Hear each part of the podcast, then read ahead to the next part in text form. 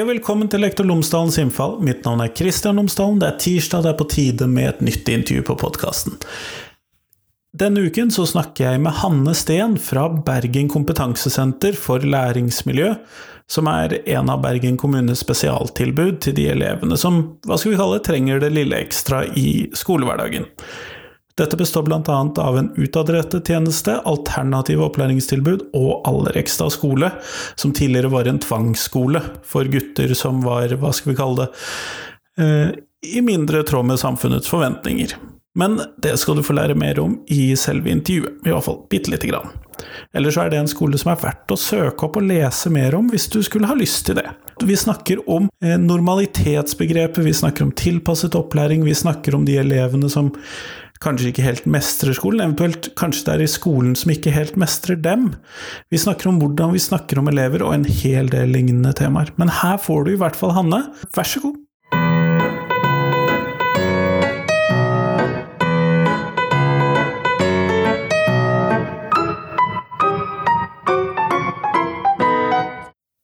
Hanne Steen, tusen takk for at du har hatt deg tid til meg i dag.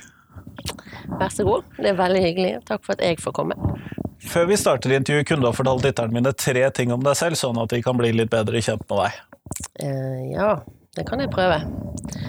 Uh, ja, Hanne Steen. Jeg jobber med barn og ungdom som lever litt vanskeligere liv enn snittet. Uh, og det er jeg brennende engasjert i, å forsøke å, å bidra til et litt, noe bedre liv.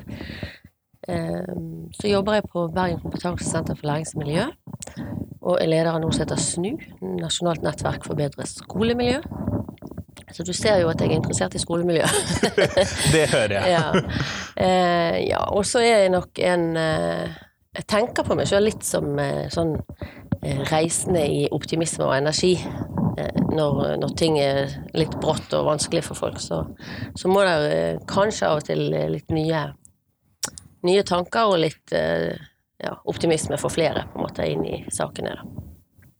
Det høres viktig ut. Men hva er Bergen kompetansesenter for læringsmiljø?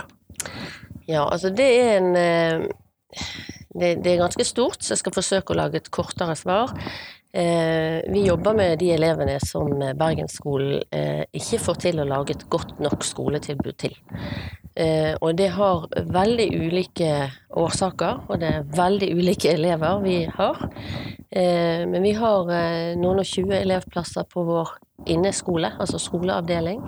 Det er en eh, ordinær skoledrift med, med vanlige fag, og vi følger læreplaner og har eksamen.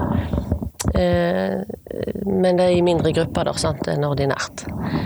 Så har vi avdelinger, en endagstilbud på en måte. Så elever som går i vanlig skole, eller hjemmeskolen sin, da, kan være hos oss en dag i uken. Eh, med praktisk læring, eh, mer aktivitet. Sant? Eh, skolen har jo blitt mye rolig, stillesittende. Og, og, det er mange det ikke passer så godt for. Så der kan vi bidra. Og så har vi der som jeg jobber, utadrettet tjeneste. Vi er ute på alle skoler i Bergen der de ønsker hjelp eller samarbeid med oss om å forsøke å lage skoledagene bedre for de elevene som strever men lokalt, og ikke trenge å sende de da vekk. Ja, da, det er jo der vi alle vil. Målet vårt er jo at de får være der de hører til på en måte i nærmiljøet sitt. Og om å mestre det sant? det er jo det beste for alle parter. Men, eh, men så ser vi òg at eh, det er etisk eh, vanskelig å si at alle skal gå i nærskolen sin, dersom ikke nærskolen får til å lage et godt nok tilbud. Og det, det kan være rett og slett at skolen er for stor, sant? eller eh, at de ikke har kompetansen i noen tilfeller. Sant? Altså, mennesker kommer jo i alle varianter, i, og alt eh, Alle elever skal få gå i normalskolen, heter det. Og, og, den er vi stolt av, den inkluderende skolen. Og da klart at da kommer vi i alle eh, fasonger, på en måte. Og, og ikke alle barn er da like lett å legge til rette for heller. Eh, og så er det jo en kostnadsfaktor her, selvfølgelig. Så. Det er det jo. Mm. Samtidig så er det jo viktig når vi da skal innlede dette intervjuet å si at du er her og snakker for deg selv og ikke for Ja, det er viktig for meg. Da, da opplever jeg at jeg både står friere i forhold til hva jeg eh, Jeg er jo en fagperson som, eh, som brenner for disse ungene og ungdommene, og har mange tanker om hva vi kanskje kunne forsøkt å gjort annerledes. Eh, og det får jeg heldigvis anledning til å snakke om rundt omkring. og så er det ikke sikkert at mine ledere ville sagt akkurat det samme, men jeg opplever å ha god støtte hos de. Men jeg snakker altså for meg sjøl. Ja, det er viktig. Mm. Men når vi da snakker om problematferd eh, hos elever, eller som elever eh, driver med, er det noen sånne spesielle kategorier, eller hva er det vi snakker om da? Ja, altså Tidligere så snakket vi om eh, eh, altså Da tenker jeg noen år tilbake, sant, så var vi opptatt av elever med atferdsvansker. Når jeg fikk en eh, liksom sak på bordet nå må du komme og hjelpe oss, så var det en elev med atferdsvansker. Det er jo et, egentlig et eh, fryktelig begrep. For hva er nå egentlig det? Sant? Altså det vi ser er jo at det handler om eh, mennesker som strever, og på et eller annet vis er dette et uttrykk for at de trenger noe annet enn det de får. Så, så vi liker heller å tenke at det handler om en Kanskje kan vi kalle det samspillsvansker, så har vi nå i hvert fall delt litt på, på dette her. Um, og så at vi må inn og lete. Hva, uh, hva, er det som? Altså her er jo mennesker med bagasjen full. Uh, og gjengs er vel at jeg har lite og ingen oversikt over hva disse barna har med seg, og hva de lever i. Og jeg kan gjette og jeg kan uh, lage meg noen bilder, men jeg tenker det er klokt at jeg går inn og møter ethvert barn og tenker at alt er mulig. Jeg vet fryktelig lite om deg, men jeg ser et uttrykk som forteller meg at vi må gjøre noe annet enn det vi gjør. Og så er det jo å begynne å samarbeide med barnet. Og det tror jeg jo. Jeg har sittet på så mange ansvarsgruppemøter opp gjennom årene der vi voksne har funnet kloke løsninger. Der vi har diskutert og brukt masse tid. Møttes kanskje en gang i måneden gjennom flere år. Og så har ikke eleven vært med på det. Så, Uten å snakke med eleven. Hvem har snakket med eleven, er jo blitt første spørsmålet mitt nå. Og hvordan, eh, på hvilken måte, eh, og hvordan i all verden skal vi få eleven til å måte, bli en eh, viktig brikke i sitt eget liv, da.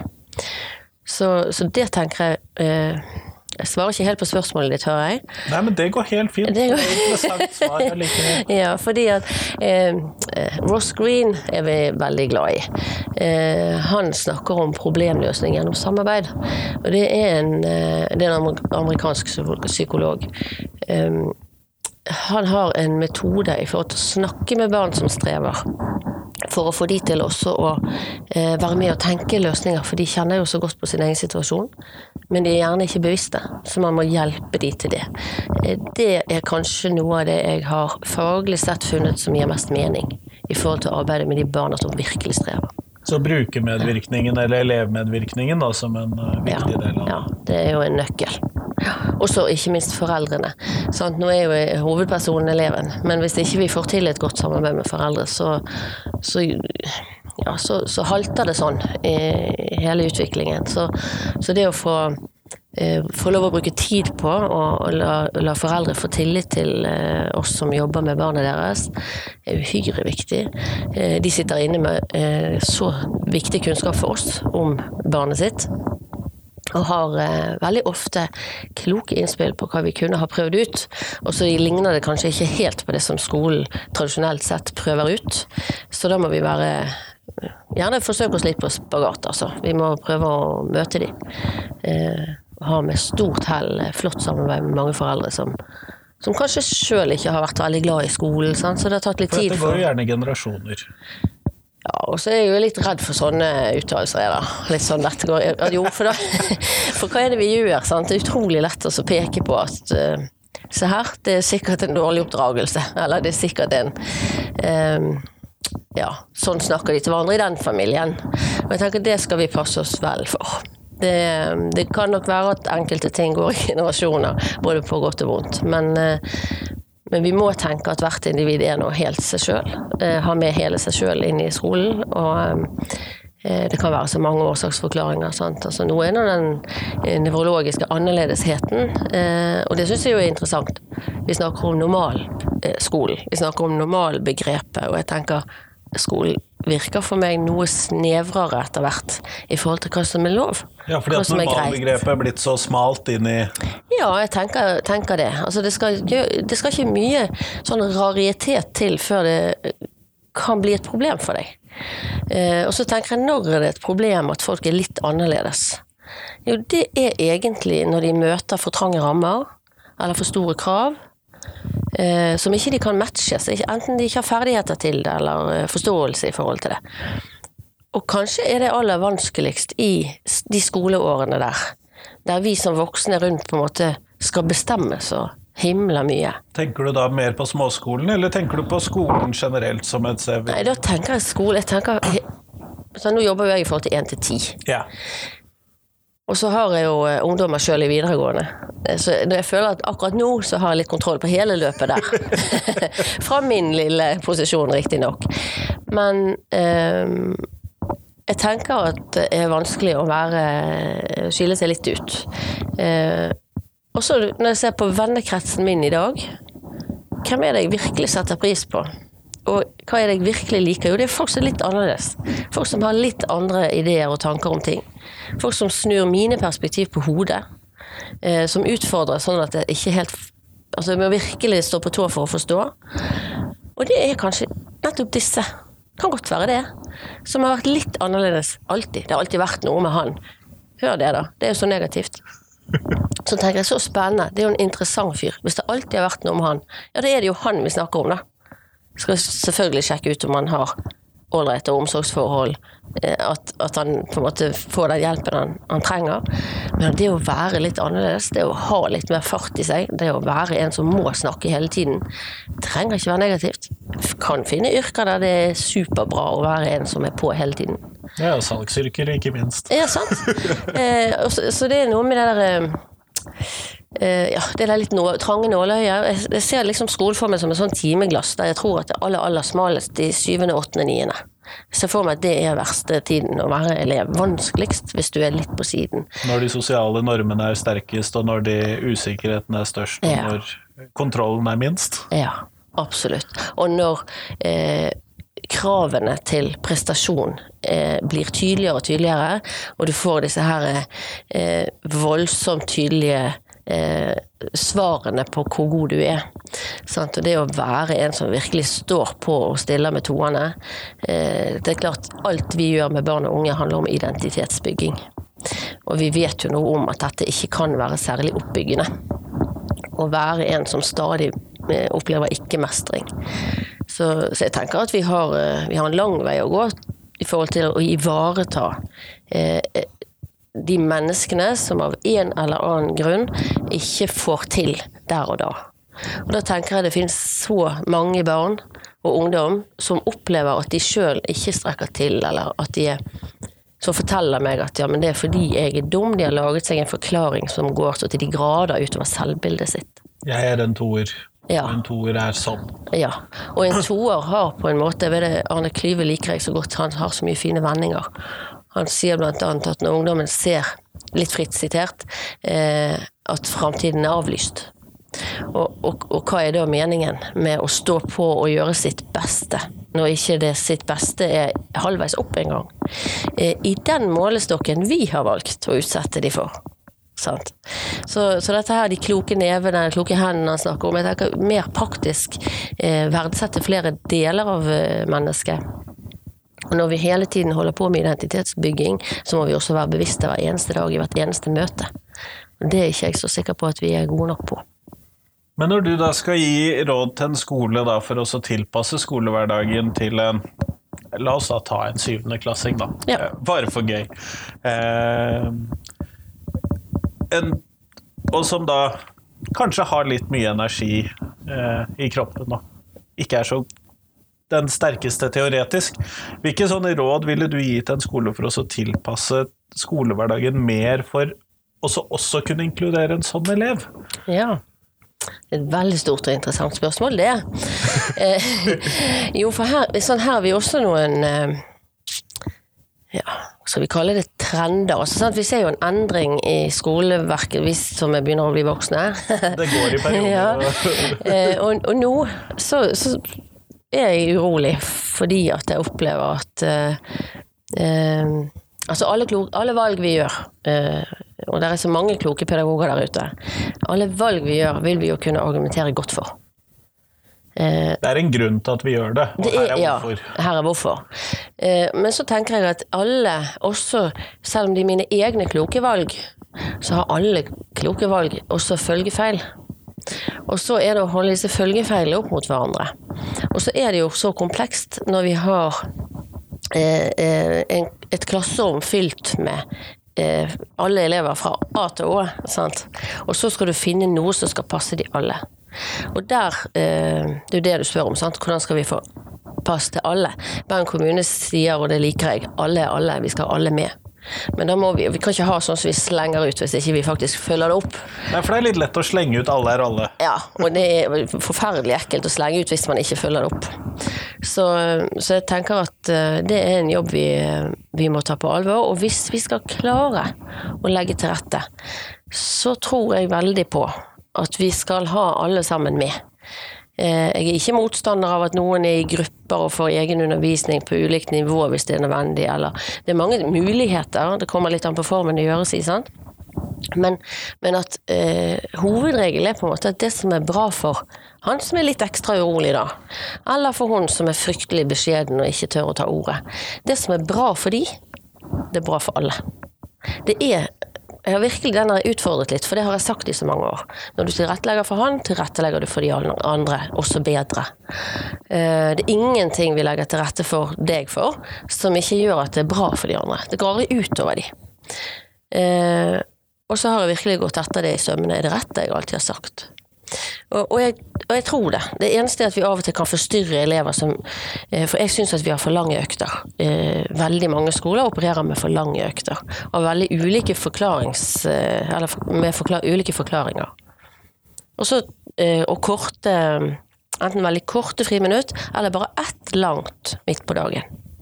Så tenker jeg her ligger så mange utfordringer i det å sitte så lenge i ro, selv om det er hele tiden endring i aktivitet. Sant? Det kan være eh, at de bare bruker 15 minutter på hver eh, stasjon. stasjon. hvis det er det de holder på med. Og stasjonsundervisning kan være supert.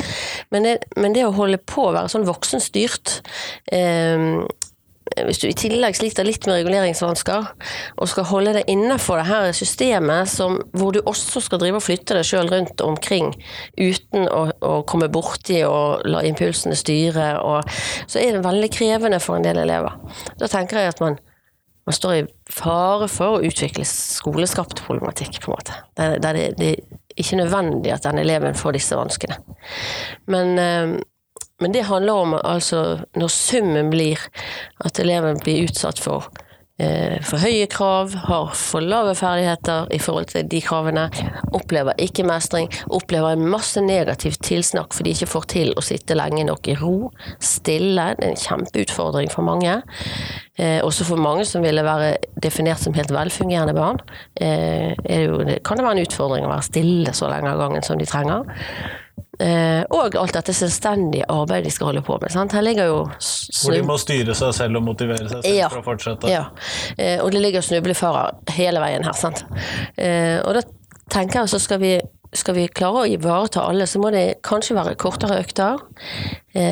noe mer aktiv praktisk undervisning. Det er ingenting i veien for å flytte klasserommet ut. Vi på BKL har mye erfaring med å få god læring i praktiske sammenhenger. Eh, elever som får fysisk beveget seg litt, og eh, kanskje også eh, sjøl eh, kan komme med tema, altså hvor vi tar tak i det som er relevant for dem. Eh, det vet jeg at de gjør i skolen, altså for all del, men det er klart de, har, de, de er mange, og, og, det er vanskeligere å sette liksom det i system. Men jeg ser at eh, at hvis de skal klare å inkludere bedre, så er det også noe med hvilke oppgaver disse elevene får. Altså du, kan, du, kan, starte dagen med en åpen oppgave som alle kan få til. Som ikke har rett svar. Som gjør at også lille, stille Per tør å rekke opp hånden. Eller tør å utfordre på å si hva han tenker når han ser en blå bil, for det, er det du spør om. Så, så, gjør at de blir vant med å høre seg selv også i plenum. Sant? At du kan ta for de mer sånn stille barna opp. Jeg tenker ofte snakker vi om eh, problembarna og problematferd. Og da ser vi fort på liksom det er utagering, det er aggresjon, det er frustrasjon. De som blir så veldig synlige. De som er så synlige at vi er nødt til å ta tak i det. Sant? Men så tenker jeg det må jo være Skal vi først snakke om atferdsvansker eller problematferd eller samspillsvansker, så må vi òg se på de som, eh, som vi nesten ikke ser. De som vi ikke får med. De vi må lete etter. Og de vi vet står i fare for å bli de som blir liggende hjemme. Og så får vi jo en, vi har jo en veldig økning i skolefraværsproblematikk. Og jeg tenker Det går jo også, du kaller det hva du vil, men altså det, er, det, handler jo om et samspill, en relasjonsbygging som må til for at barna skal føle seg trygge og komme hver dag. Eh, de skal bli sett både av oss og og, vi voksne har jo en, eh, en særdeles alvorlig eh, et ansvar på oss i forhold til å bygge relasjonen mellom barn. Sånn, det her med, og det, og det, tenker jeg litt på, det er vanskelig å gjøre det hvis de sjelden får lov å leke sammen. Ofte sier lærerne at eh, barna har jo blitt dårligere på å leke sammen. De er dårligere på samspill, det er mer konflikt. Og så tenker jeg, men hvor ofte øver de på fritt samspill? De har jo ikke fritt samspill. Altså, de er så aktivitet de, fra de er organisert med SFO og skole og SFO, og så er det middag, og det er gjerne liksom tomatsuppe, og det er ære være tomatsuppen, men, men, det går fort, for du skal videre på et eller annet, og så skal du hjem. Altså, det, det er veldig lite sånn slekk i disse livene. Så jeg tror jo når vi snakker om problematferd Nei, det orker ikke jeg å snakke mer om. Når vi snakker om de elevene som ikke får helt dette til, å fylle elevrollen sånn som vi ønsker det, så tenker jeg at det er en sum her. Det er en sum av liksom Hvordan er det vi har stilt oss i dette samfunnet? Litt sånn eh, eh, Alt er veldig hurtig. Vi alle, voksne som barn, skal være veldig flinke. Eh, vi bruker enormt mye tid på en sånn selvrealisering, og vi sant? Det, jeg, jeg tror at det er for hektisk for de små. De starter grydelig tidlig i barnehagen. De har hektiske dager, de sovner på en måte med nesen i middagen. De um, det er lite ro og, og liksom kos i hverdagene, så det tar man litt igjen i helgene, kanskje. Så jeg ser for meg at det er noe med det her familiesystemet vårt òg som virker ganske inn på hvordan ungene får til og ikke. Det er veldig fokus på individet, hvor flink du er, og hvor grei du er, og hvor du, du, du. Lite fokus på at vi, disse her små, og vi sjøl, er, er brikker i et sånt samfunn som skal helst fungere godt sammen. Eh, så jeg lurer på om det, kanskje, kanskje, det handler litt om det, at vi heier for mye sånn på den ene og våre egne. Eh, jeg er jo veldig, veldig opptatt av at eh, foreldre skal eh, eh, ta vare på barna sine, selvfølgelig, men eh, de skal òg kunne se til høyre og venstre og ta vare på de barna som som trenger litt ekstra. Og det kan være barn som har egne foreldre som tar godt vare på dem, men barna lever så krevende liv at de likevel trenger at vi andre trår til. Og så er det jo ikke alltid foreldrene er der heller. Nei, nei da. Det skjer at vi har foreldre som gjør så godt de kan, og som, eh, hvor, vi, hvor, det de gjør ikke er godt nok likevel. Nei, nei, jeg tenkte ikke på det. Jeg tenkte nei. mer på der hvor de ikke var til stede akkurat der hvor ja, barna hadde det vanskelig ja, akkurat da. Ja, sant. Ja, og så er det sant eh, at vi skal, alle sammen skal trå til for, for, å på en måte oppdra våre barn. It takes a village to raise a child. Eh, der er vi jo blitt mye mer forsiktige, tror jeg. sant? Så når barn har det vanskelig, eller barn gjør ting vi tenker du verden, det der var et uklokt valg, men det er jo ikke mitt barn, kan jeg da gå inn i det? Eh, der eh, det var nok sikkert mer av det før, at vi hadde andre voksne som hjalp til å styre det der. Nå er vi nok litt redd for at naboen blir sint på oss, eller at noen blir fornærmet, eller at du får et frekt svar. Jeg hører mange som sier at det bekymrer meg over at barn i så lav alder svarer så stygt. At de har på en måte Hvor er det blitt av respekten i forhold til voksne? Så tenker jeg at det, det vet jeg ikke. Det har jeg jo ikke noe svar på. Men eh, jeg kan også se at det er mer Kanskje det er mer uro i hele barnegruppen at ikke det er så jeg jobber jo med de som virkelig strever. Men sånn alle de Ja, det skal jo litt til for å komme til deg. ja.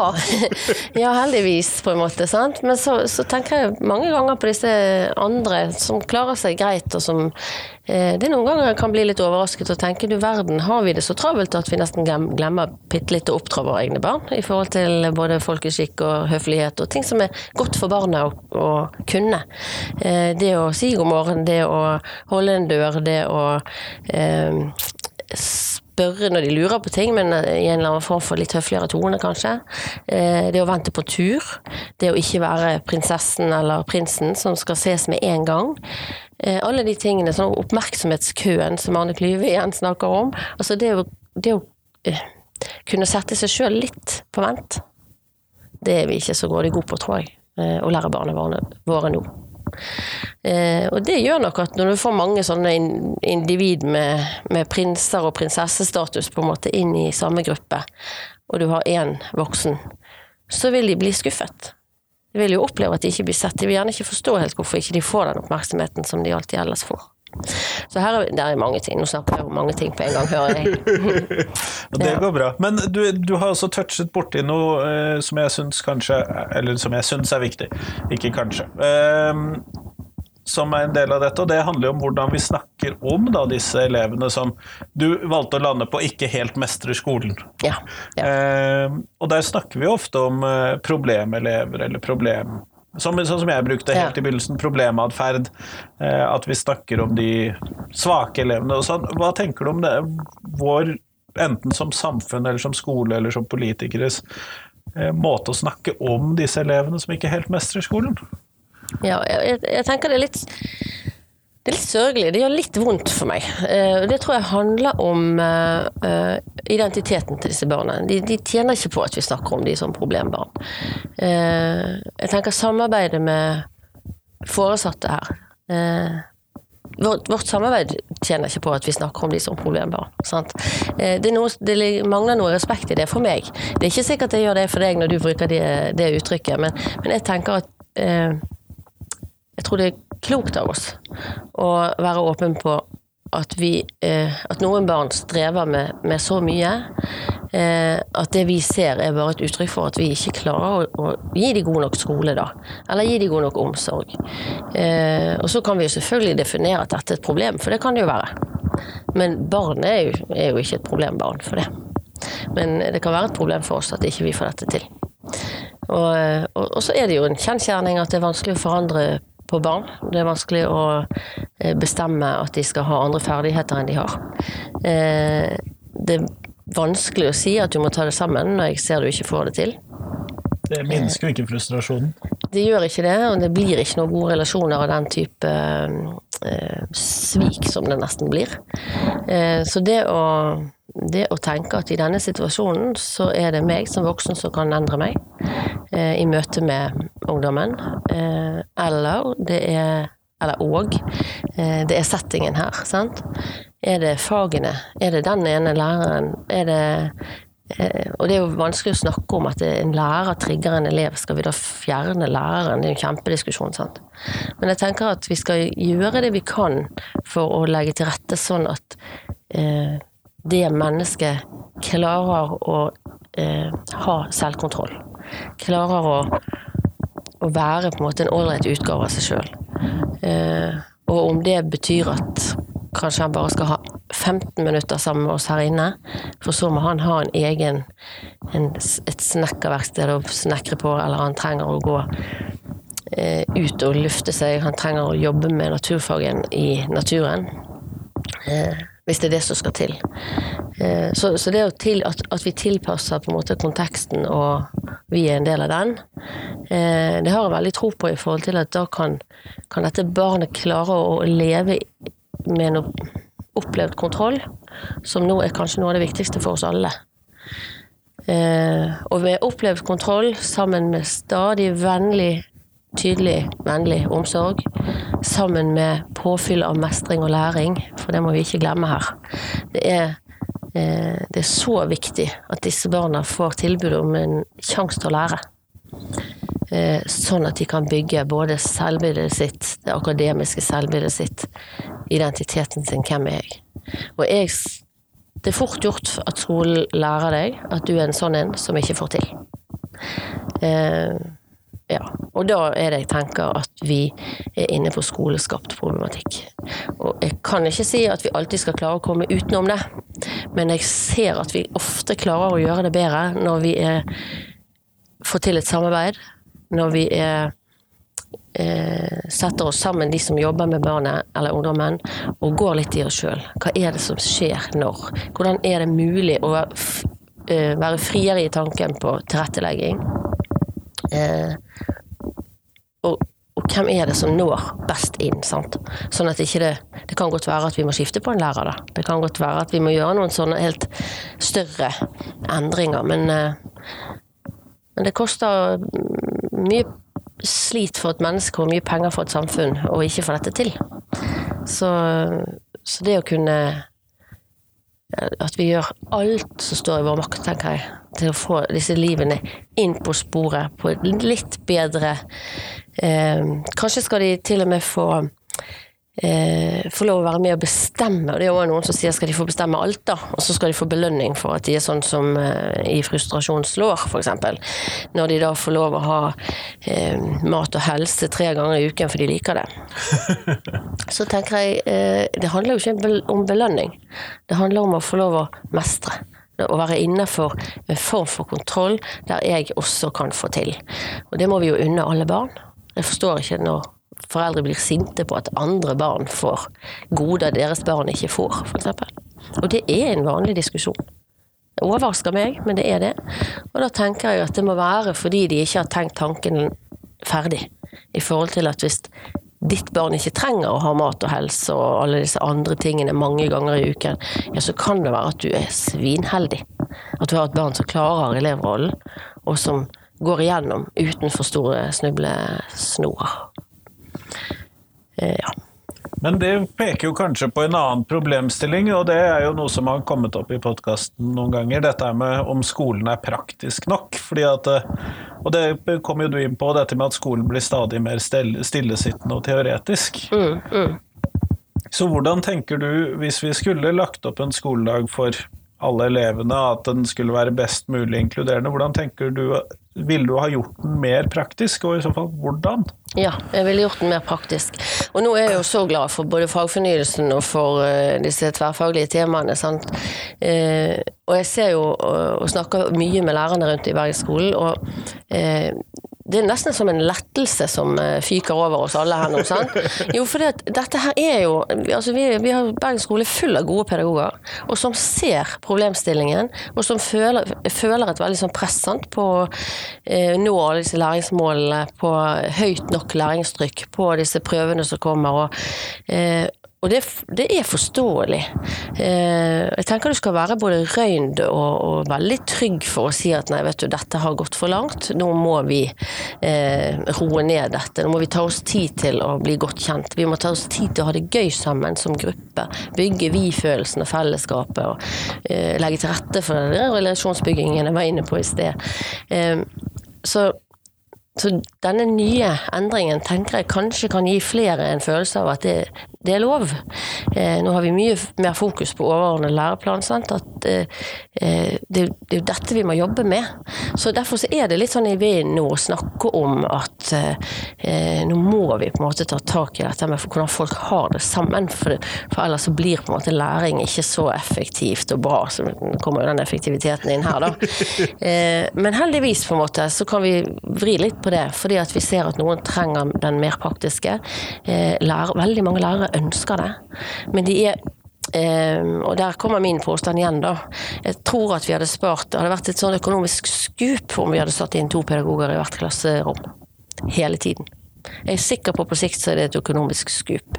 For det som skjer, er jo at vi ofte ikke får det til. Vi har ikke nok folk, sant? og det er for mange barn som har for mange ulike eh, hensyn vi må ta til dem, eh, til at en lærer kan bare hive seg rundt og gå ut og gjøre eh, Planlegge at i dag skinner solen, så flytter vi hele denne naturfagen ut, og så lager vi den altså, Det må da kunne lages praktisk, jo det vet vi. Vi har jo så mye praktiske oppgaver på BKL. Vi har jo driver ute- og skole,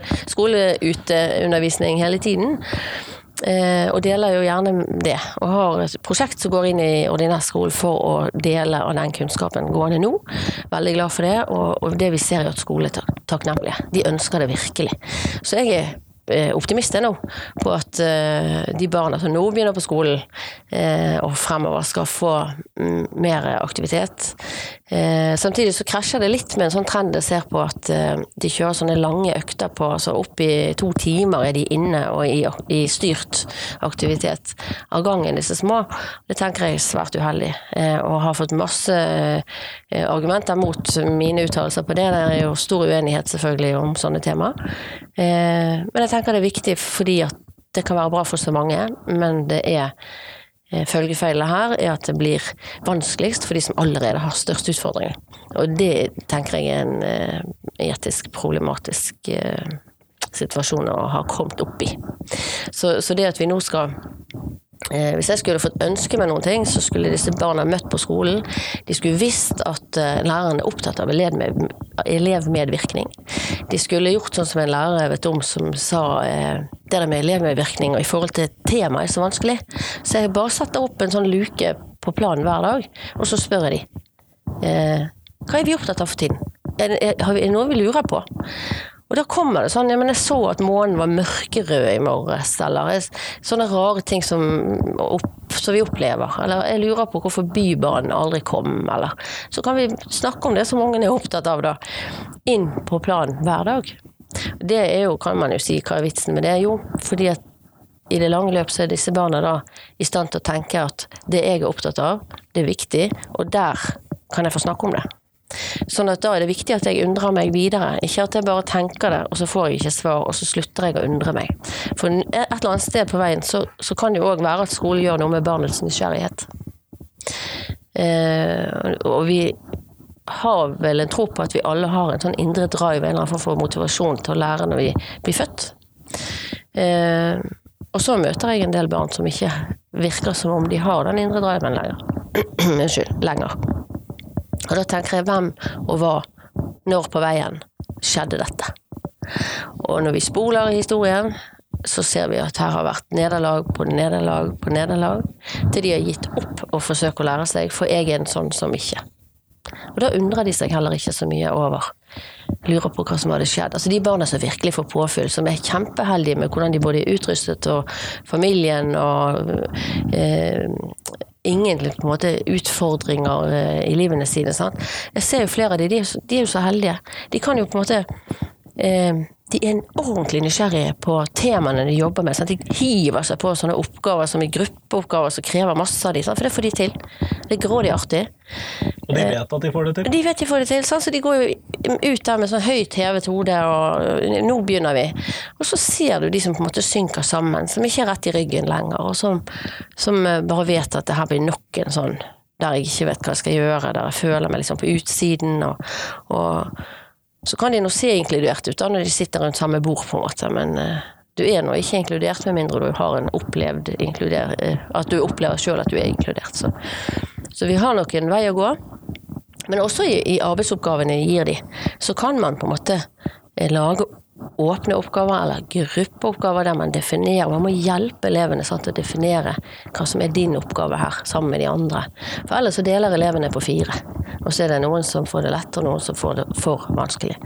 Eh, så det å gå inn og styre og gi samme teksten, men med litt ulike arbeidsoppgaver inni den teksten, for så å komme tilbake til gruppen og melde fra om det du har funnet ut, da bidrar du på ordentlig og på ekte, på lik linje, men alle har forskjellige oppgaver inn i teksten. Altså den type inkluderende oppgaver, det har jeg veldig tro på. Um, ja, og for all del lete frem sterke sider og peke og si høyt om alt vi liker.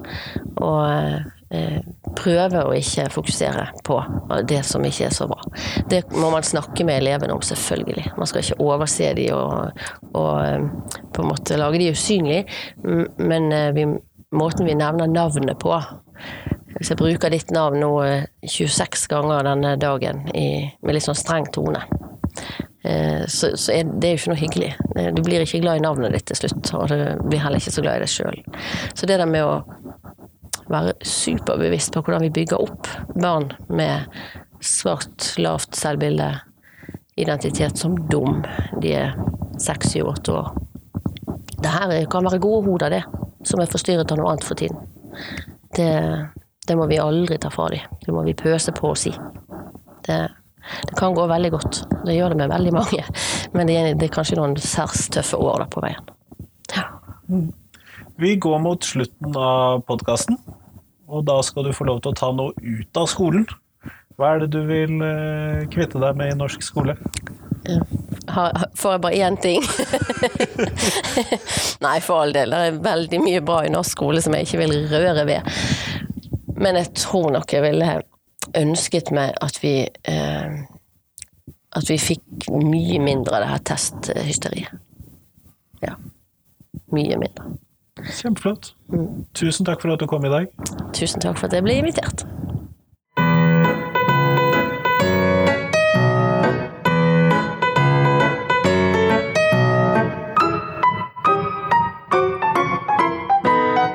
Tusen takk til Hanne, og tusen takk til deg som hørte på. På fredag så kommer det et nytt podkastintervju, og det er rett og slett fordi at da kommer Folkeaksjonen Nei til mer bompenger på podkasten for å snakke om sin eh, skolepolitikk. Så det blir bra. Etter det så går vi nok tilbake til et vanlig sånn, hva skal vi kalle rutine, med ukentlige podkastepisoder. Da er valget over. Heldigvis, kanskje. Men i hvert fall fram til da så hadde jeg håpet at du kunne dele podkasten min med noen. Eh, på Facebook-siden så finner du en konkurranse. Jeg gir bort en kopp med Lektor Lomsdalen-logo på, som var lik den koppen som politikerne på livedebatten fikk. Del gjerne podkasten med noen som du tror vil sette pris på den, og så kan du være med på å få en sånn kopp, hvis du skulle ha lyst. Men i hvert fall, fram til fredag så får du ha en fin uke. Hei, hei!